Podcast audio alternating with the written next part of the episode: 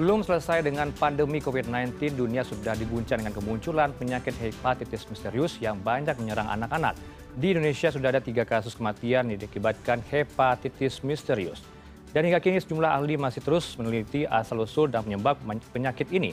Meski belum ada titik terang yang menjelaskan secara pasti biang kerok di balik penyakit ini, Badan Kesehatan Dunia atau WHO menyatakan kemungkinan adenovirus menjadi salah satu penyebab infeksi hepatitis misterius.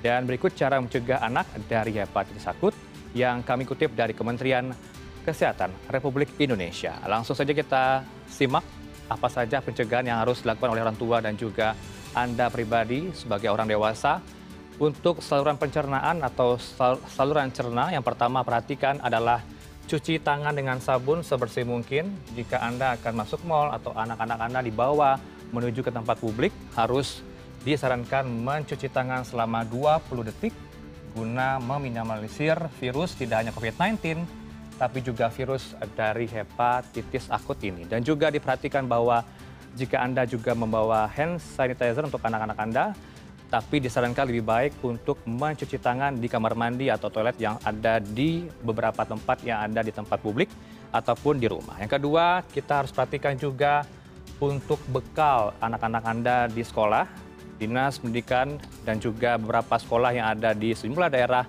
menyarankan membawa bekal dari rumah. Bekal itu harus juga dengan gaya hidup sehat. Yang pertama harus matang dan juga diperhatikan adalah bersih untuk makanan ini. Pola hidup sehat harus diperhatikan untuk membawa bekal anak-anak di rumah, apalagi PTM 100% sudah digelar di sejumlah daerah dan KPAI juga mengkaji ulang terkait dengan hal ini dan diminta untuk anak-anak yang berada di kantin tidak berbelanja di sana dan disarankan juga tutup ya untuk sementara waktu untuk menghindari adanya penyebaran virus dari hepatitis akut dan disarankan juga untuk membawa alat makan sendiri atau wadah dari rumah. Yang ketiga kita lihat untuk saluran cerna untuk mencegah penyakit ini Anda harus perhatikan anak-anak Anda untuk tidak berada dekat orang sakit atau hindari orang sakit guna mencegah penyebaran.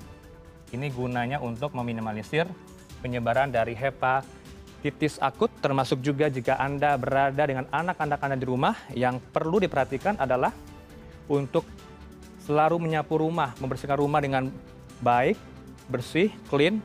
Apalagi jika Anda berada di tempat umum juga diperhatikan untuk berada di kawasan yang kumuh, tidak disarankan untuk berada di posisi tersebut. Kita akan coba lihat untuk uh, saluran nafas atau saluran pernafasan bagi anak-anak Anda jika anak Anda berada di luar rumah.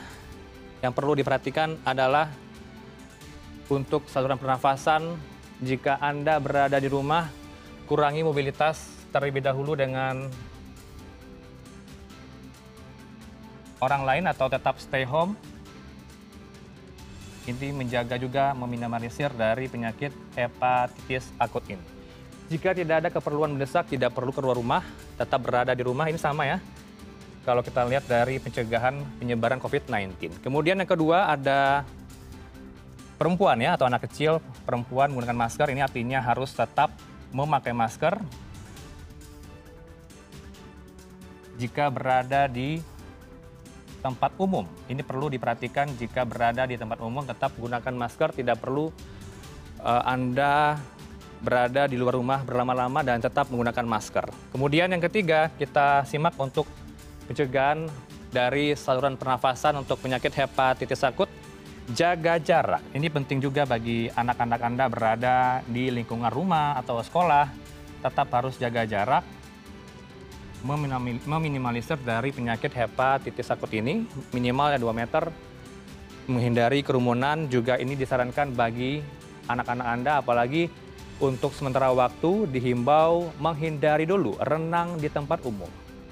Dan tentunya peran dari orang tua sangat uh, dibutuhkan ya. Dalam pengawasan anak tentunya pola hidup sehat harus tetap diutamakan.